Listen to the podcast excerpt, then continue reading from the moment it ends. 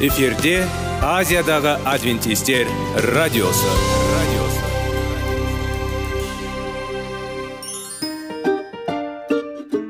сәлем достар. Денсаулық өмір бұлағы және біздің бірінші байлығымыз демекші денсаулық сағаты рубрикасына қош келдіңіздер. Біздің рубрикада біз әртүрлі факторларменен мәліметтерменен кеңестерменен бөлісіп шын жүректен сіздердің дендеріңіз сау болғанын қалаймыз. Сол үшін біздің рубрикаға қош келдіңіздер. Дайындалып тұрыңыздар. Өйткені келесі минуттарда қызықты фактілерге ие боласыздар. Енді достар ең бірінші байлығымызды қолымызға алып алға кеттік.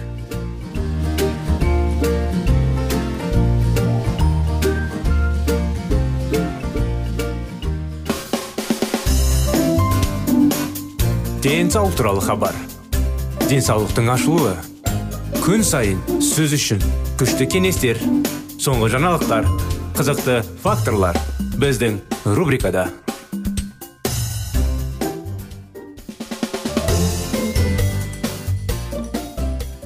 сәлем достар. Армысыздар құрметті радио тыңдаушыларымыз сіздермен бірге сіздер назарларыңызға денсаулық сағат бағдарламасы. Бағдарламамызды жалғастыра кетейік. Сіздер назарларыңызға біраз болды. Денсаулықты қалай сақтау керек тақырыбын жалғастырудамыз. Соның аяғына қарай біз он заңды бөліп алған едік. Сол жайлы айта кетсек жалғастырымда үшінші заңға келген едік. Белсенділік және өсу. Гарольд хартамми соншалықты күшті және физикалық сау адам болды. Оның достары үнемі түсіндеген шылым шегушілер. Жігіттердің арасында пайда болған кезде көздерін қайда тығарын білмейді. Бірақ бір күні гарольд бикра инфаркт болды. Бұл оның достарына оның себебі күн сайын алты жарым жүгіру. Рас достар дәрігер гарольд мүлдем басқа пікір болғанын білмеген. Оның айтуынша егер гарольд осындай жақсы физикалық формада болмаса инфаркт ол үшін өлімге әкеледі. Гарольд осы күнге дейін алты жарым шақырым қашықты еңсерді. Бірақ жүгірумен ғана емес дәрігердің кеңесі бойынша жылдам қадаммен жылдам қадам да ол да әрдайым жүгіру де маңызды емес кейбір адамдарға мысалы жүгіру қиындау. Болмаса әр мысалы сіз қалай енді дәрігерге жиі қаралып жүрген болсаңыз содан ақылдасу керек та. Қай сіздің денсаулығыңызға дене шынықтыру дұрыс болады.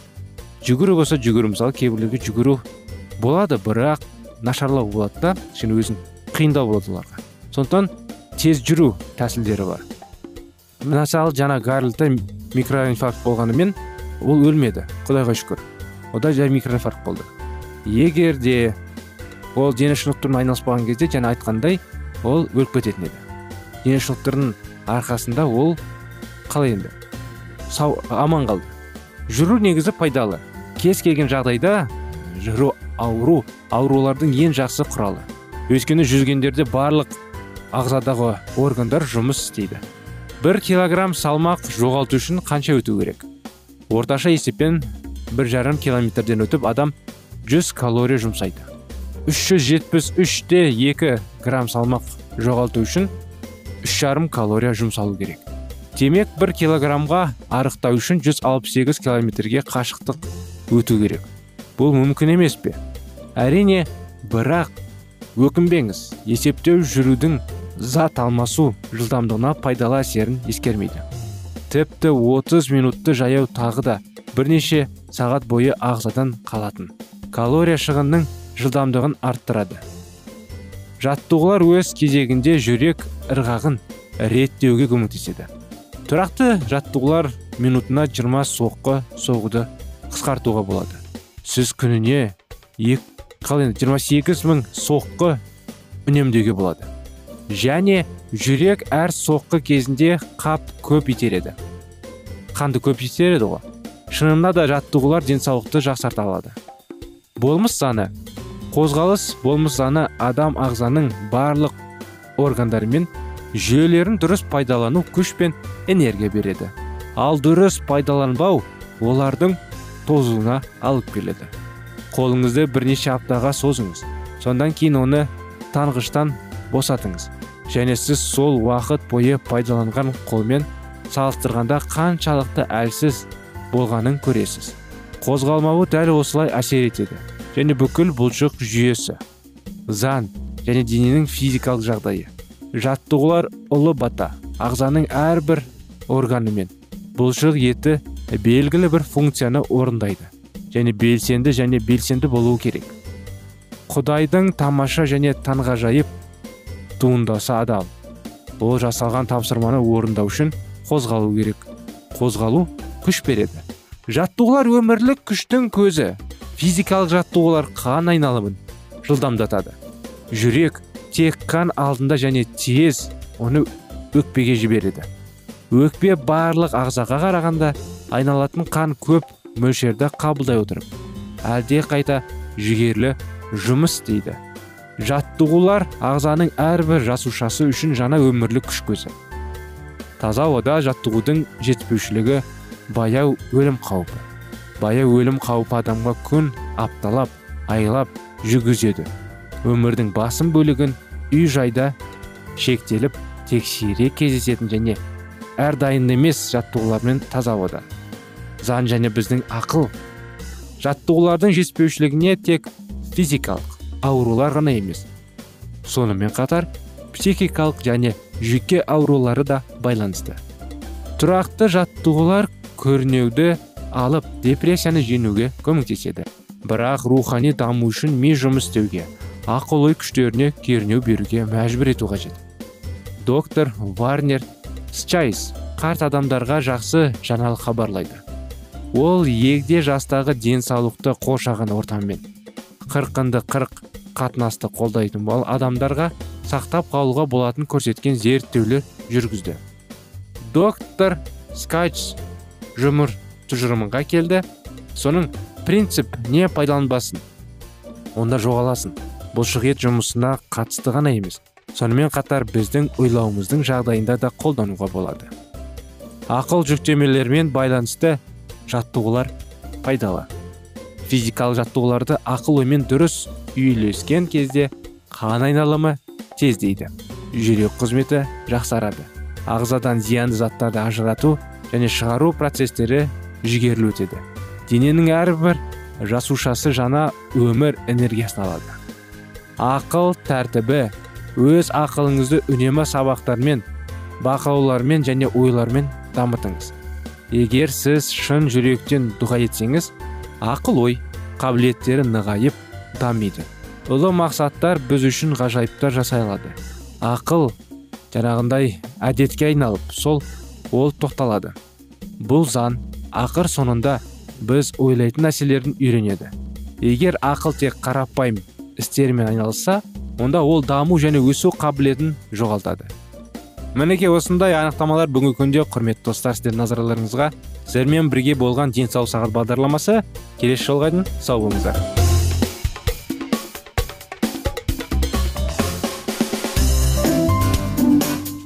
Денсаулық туралы хабар. Денсаулықтың ашылуы. Күн сайын сөз үшін күшті кеңестер соңғы жаңалықтар қызықты факторлар біздің рубрикада.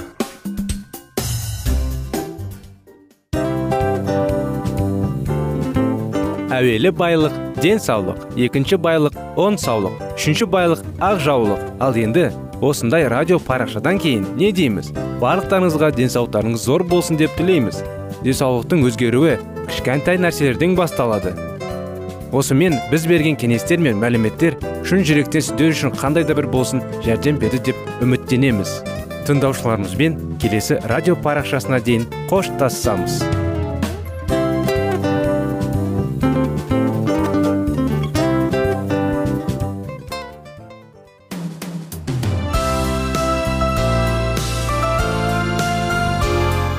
эфирде азиядағы адвентистер радиосы радиосы.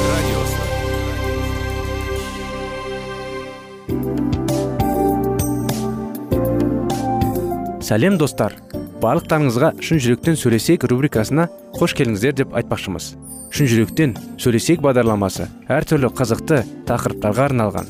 Шындығында шын жүректен сөйлесейік деген сөздің мағынасы екі достың екі адамның ортасындағы шын жүрекпен сөйлесуі бір біріне сенуі ашықтық пен шындықты білдіреді. Сол үшін біздің бағдарламалар әртүрлі қызықты тақырыптарға арналған. Дайындалыңыз жаңа қызықты мәліметтерге ие болуға. Ондай болса кеттік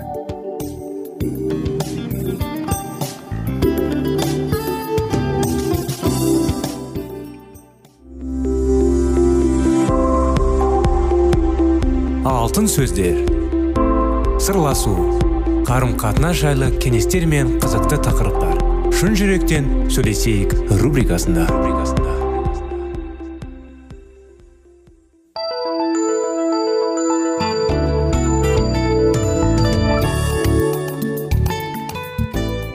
Мінекей ассалаумағалейкум құрметті достар құрметті радио тыңдаушыларымыз қош келдіңіздер біздің бағдарламамызға. Сіздермен бірге сіздердің назарларыңызға шын жүректен сөйлесейік бағдарламасы. 25 керемет неке оқиғалары сіздердің назарларыңызға. Джон мен полидің баяндамаларын жалғастырудамыз естеріңізде болса. Соны жалғастыра кетсек мен әрбір сезімді және менің сүйікті джонымның әрбір ісін ұнатамын және таңданамын. Бірақ біз үшін көп жасалған және біз бір бірімізге міндетіміз кім үшін суық? Ақырында поли джонға ливерпульге бару үшін жеткілікті жақсы сезінді. Алты жыл ішінде алғаш рет олар бірге өмір сүруге өз үй болды. Дегенмен ол көп алданатты. Ол үшін бай өмір болды және ол ливерпульде ыдыс жуғыштармен сөйлесуге тура келеді деп қорқады. Ливерпуль мәдениетпен де жоғарғы әлеуметтік мәртебедегі адамдармен де танымал емес. Джон әдіскерлермен бірге жұмыс істеген секілді. Ал тәтесі поли әдістерге жек көрді. Дегенмен поли ливерпульге баруға дайын болды. Тіпті әдістердің берумен кездесу қаупі бар. Бірақ ыдыс жуғыштар оны қатты қорқытты. Джонға қазірдің өзінде 30 болды. 30 жаста. Ал ол әлі күнге дейін мансабын шеше алмады. Кедендік инспектордың жұмысына кедергі келтірене ештеңе болған жоқ. Округте бұл өте құрметті лауазым болды. Бірақ ол құдай өмір бойы кеден инспекторы болғысы келмейді деп ойлады. Джон оның анасы болашақ діни қызметкер көрген. Бірақ ол өмірде бірде бір рет уағыз оқыған жоқ. Бірақ бір рет куәгер болуға тырысты. Осы жалғыз әрекеттен кейін ол ең алдымен құдай одан уағыздаушы шыққысы келмейді деген қорытындыға келді. Бірақ бір күні олар поли мен иракширдің ауылдарына саяхаттаған кезде және адамдар өз өмірінің тарихын айтып беруді сұраған кезде ол бас тарта алмады. Және ол жиі айтқан сайын уағыздау мүмкін екенін сезіндім. Дұға мен оразада 33-ші туған күнінің өткізгенде ол діни қызметкер болуға шешім қабылдады. Мінекей қандай өзгеріс? Шешім қиын болды әрине. Ол десенттерлер анасы тиесілі мен ресми англика шіркеу кэтлет отбасы тығыз байланысты арасындағы таңдаумен байланысты болды. Джон диссентерлерге бейім. Ол келген тәуелсіз шершеулер шіркеулер оған үлкен әсер қалдырды. Және оған қол қою оған көп оңай болар еді көрінген. Бірақ екінші жағынан егер ол көптеген адамдарға әсер еткісі келсе онда англикандық шіркеу әлде қайда жақсы болады болар еді. Міне ұзақ ішкі күрестен кейін ол архиепископ иракширикскийге қол қою туралы өтініш берді. Ол оксфорд дипломы да кембридж дипломы да жоқ болғандықтан бас тартты. Ирокширдегі тәуелсіз шіркеу оны пастор болға шақырды. Джон бас тартты. Джон уэсли ньютон методистік шіркеуінде уағыздаушы болғысы келді. Бірақ оған бейімділік болмады. Достар джонды ливерпульде өзінің тәуелсіз шіркеуін құруға кеңес бергенде ол оған баруға жақын болды. Джон және поли енді жексенбілік кешкі қызметтерді үйде өткізді. Мұндай қызметті тәуелсіз шеркеуге қайта ұйымдастыру үлкен еңбекті ұсынбады. Джон ұнаған бұл ой ал полида жоқ. Оған ұнамады. Ал поли ол ұнатпағандықтан ол бұл идеяны іске асырмады. Кейінірек ол былай деп жазды. Менің ойымша полиден басқа ешкім мені екі жыл бойы мен көп ұзамай өкінетін қадамнан ұстап тұра алар еді. Ол сондай ақ былай деп жазды. Ол мені құдайдың жүрек ұмтылысына ерік беретін уақыты келгенше ұстап тұрды. Жаратқан иенің уақыты бұл толқу. Бірде бір адам оны тіздетіп тездетіп ұста тұра алмайды. Ол келгемегенше оны шыдамдылықпен күту керек. Және ол күтті. 1767 жоқ кешіріңіздер 64 жылға дейін күтті. Англикан шіркеуі ақыр соңында оның қол қоюына келмейінше діни қызметкер болуға шешім қабылдағаннан кейін 5 жылдан астам уақыт күтті. Ол 39 жыл бойы олни шығын саудан қалшағының шіркеуіне жіберілді. Мүмкін басқа діни қызметкерлер мұндай тағайындауды құрметтей деп айналмайды ол неге келушілер кедей болды? Олардың көпшілігі өкпе ауруларынан зардап шекті. Ливерпульде лондонға дейінгі жол бойында орналасқан бұл қалшық тек ыңғайлы аялдама пункті ретінде ғана ерекшеленді. Бірақ джон мен поли бақытты болды. Және келесі 16 жыл ішінде олардың бірлескен өмірдің ең жақсы жылдары. Ньютондар осы жердегі қызмет етті. Джон науқас және ескі келіп олармен барлық қайғысын бөлседі қасиетті киіну ол тек жексенбіде ғана жүрді. Басқа күндері джон өзінің ескі капитан кителін киіп ол оған ерекше бренд сияқты нәрсе болды. Жалпы ешкім жастар қызметімен айналыспаған кезде джон апта сайын балалар жиналысын құрды. Ол барлық ол не келді? Ол хабарын жариялау міндетімді қабылдай алдым. Айтысып сөйлесіп олармен түсіндіру киелі кітап қолжетімді тілінде. Шамамен ол осы қызметті қабылдаған кезде оны жастық тарихын қағазда баяндауға сендірді. Кітапты тереңнен жариялағанда джон атақты болды. Адамдар маған таңданыспен қарап бекер емес шығар мені өзімді таң қаламын және бәрінен де мені сол бұрынғы адамнан ештеңе қалмағаның таң қалдырады осы нүктемен бүгінгі бағдарламамыз аяғына келіп тоқтатамыз. Жалғасын келесі жолы жалғастырамыз құрметті достар. Келесі жолға дейін сау болыңыздар.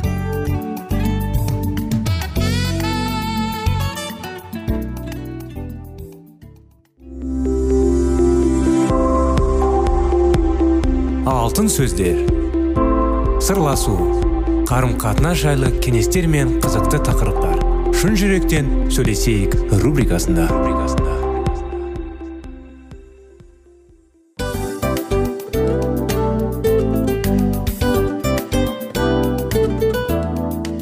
Құрметті достар барлық ең соңғы кеңестер аяқталған соң біздің программамыз соңына келіп қалды.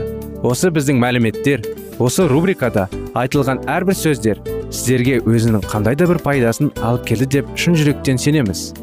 Және бұдан да көптеген рубрикаларымыз бар. Басқа рубрикаларымызда біздің зерттеулерімізде сіздер үшін тағы да қызықты мәліметтер дайын. Біздің шын жүректен сөйлесейік парақшамызда көптеген әдістер ең соңғы кеңестер адамның нравственность жақтан моральдық жақтан тазалап байыта тұрған соңғы кеңестердің барлығын жанарады. сондықтан алдыңғы күндерде бізбен бірге болыңыздар. Өйткені барлық қызықтар алдыда. Бізбенен бірге болғандарыңызға үлкен рахмет. Келесі кездескенімізше сау сәлемет болыңыздар.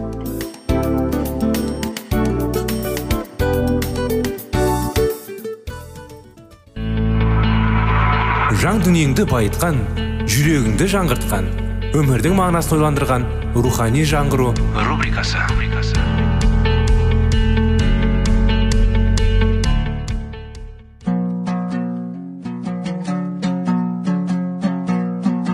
Ассалаумағалейкум біздің тыңдаушыларымыз. Келі кітаптың шындығын ашып берген қысқа бағдарламасына қош келдіңіздер. Барлығынан жоғары жаратушы біздің қарыңғылықта жалғыз қалдырып қойған емес. Өйткені ол келешекте не болу керек екенін киелі кітаптың парақтарында ашып береді. Немесе келіңіздер бізге қосылыңыздар. Жаратушы бізге нен ашып бергенін зерттейміз. Месса ашкереленген ақпараттардың нәтижесінде басталған қуғын сүргіннен бірнеше уақыт бұрын швейцарияға қашып тығылуға мәжбүр болған фарель бұл жерде цвинглиге көп көмегін тигізді.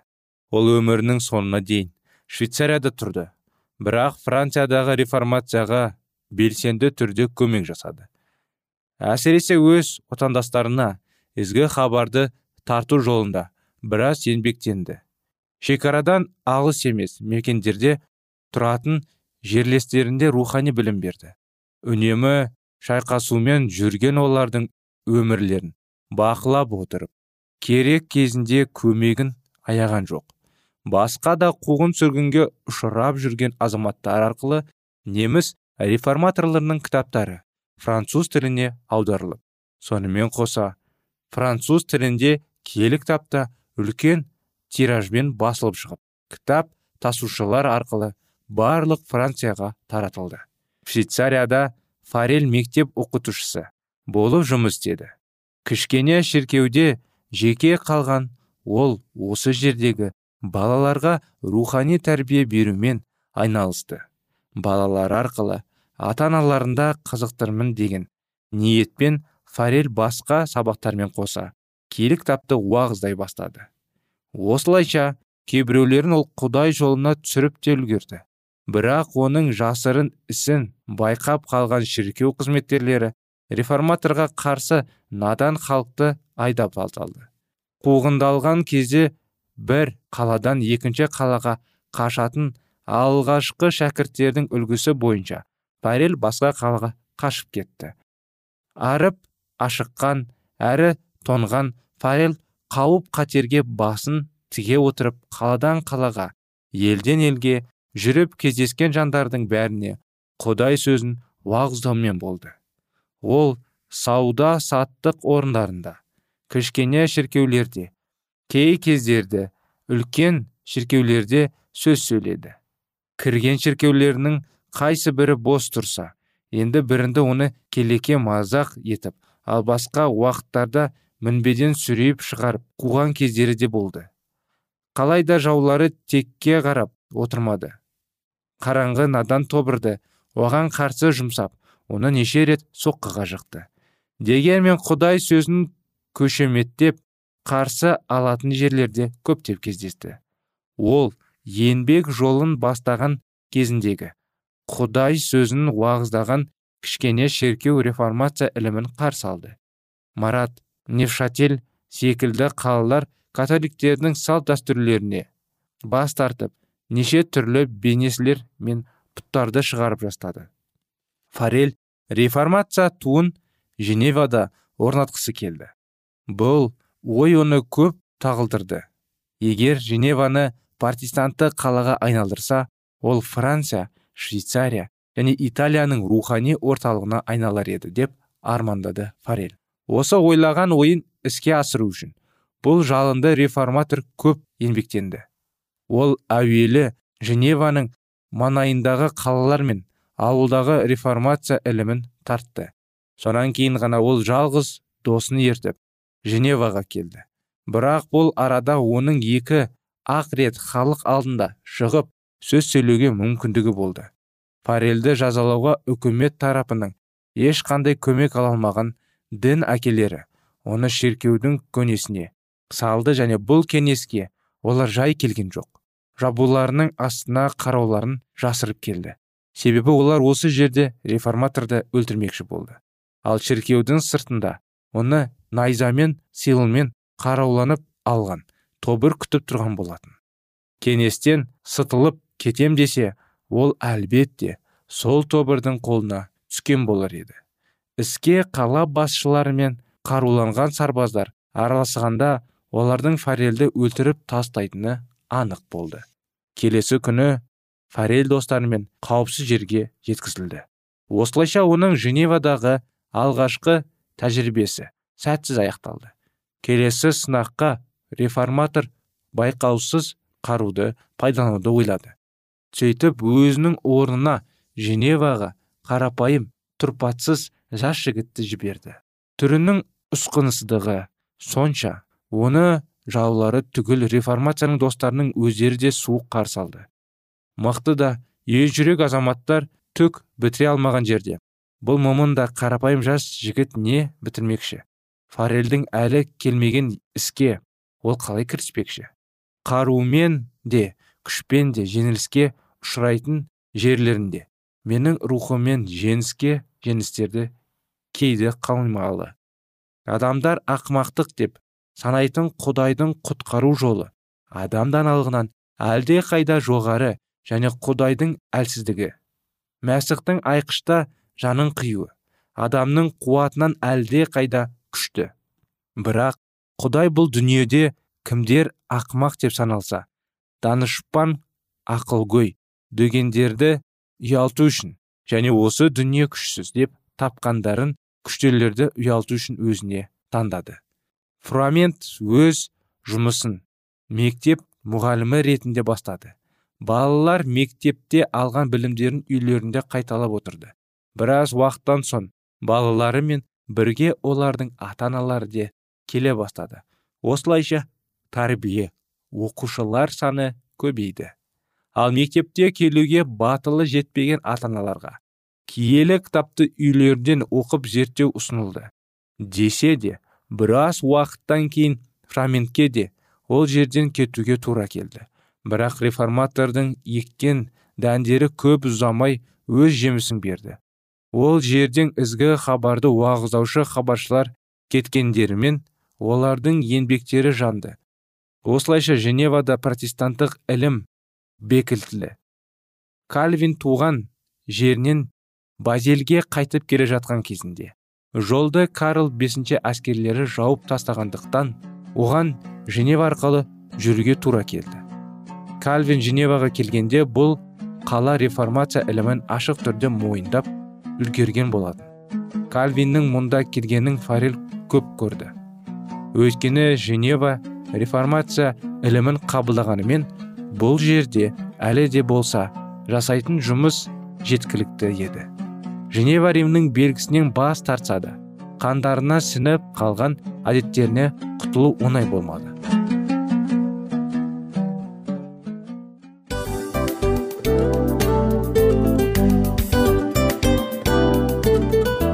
Достар біздің радио парақшамыз өзінің соңына келіп те қалды. Демек бұл программамыздың қорытындысын айта кету керек. Негізі істің басталып жатқанын қуанту керек пе? Әлде оның қорытындысы қуанту керек пе? Сіздер қалай ойлайсыздар? Меніңше қорытындысы деп ойлаймын. Себебі жасаған ісінің жемісін көріп қорытынды арқылы бағалап жүрегін қуантады. Баяғыда айтқандай бидайды сепкенде емес бидайдың жемісін жинаған кейін ыстық нанды жегенде кәдімгідей рахаттанасың ғой. Осымен біздің бағдарламамыздың аяғында тыңдаушыларымыз қандай пайда алды екен деген ойдамыз. Егерде өткен сфераларда пайдалы кеңес алған болсаңыз біз өзіміздің мақсатымызға жеткеніміз. Бүгінгі 24 сағаттың алтындай жарты сағатын бізге бөліп ардағаныңыз үшін рахмет. Келесі кездескенімізше қош сау болыңыздар. Достар біздің бағдарлама бойынша сұрақтарыңыз болса әрине сіздерге керекті анықтама керек болса біздің whatsapp нөмірімізге хабарлассаңыздар болады. Плюс бір үш жүз бір жеті жүз алпыс алпыс жетпіс. Иә достар сіздер қателеспедіңіздер бұл біздің номерлерге ұқсас болмаса да бұл whatsapp номер арнайы. Хабарласыңыздар сұрақтарыңызды қойып тұрыңыздар. Анықтаманы алып тұрыңыздар. Плюс бір үш жүз бір жеті жүз алпыс алпыс жетпіс whatsapp номері.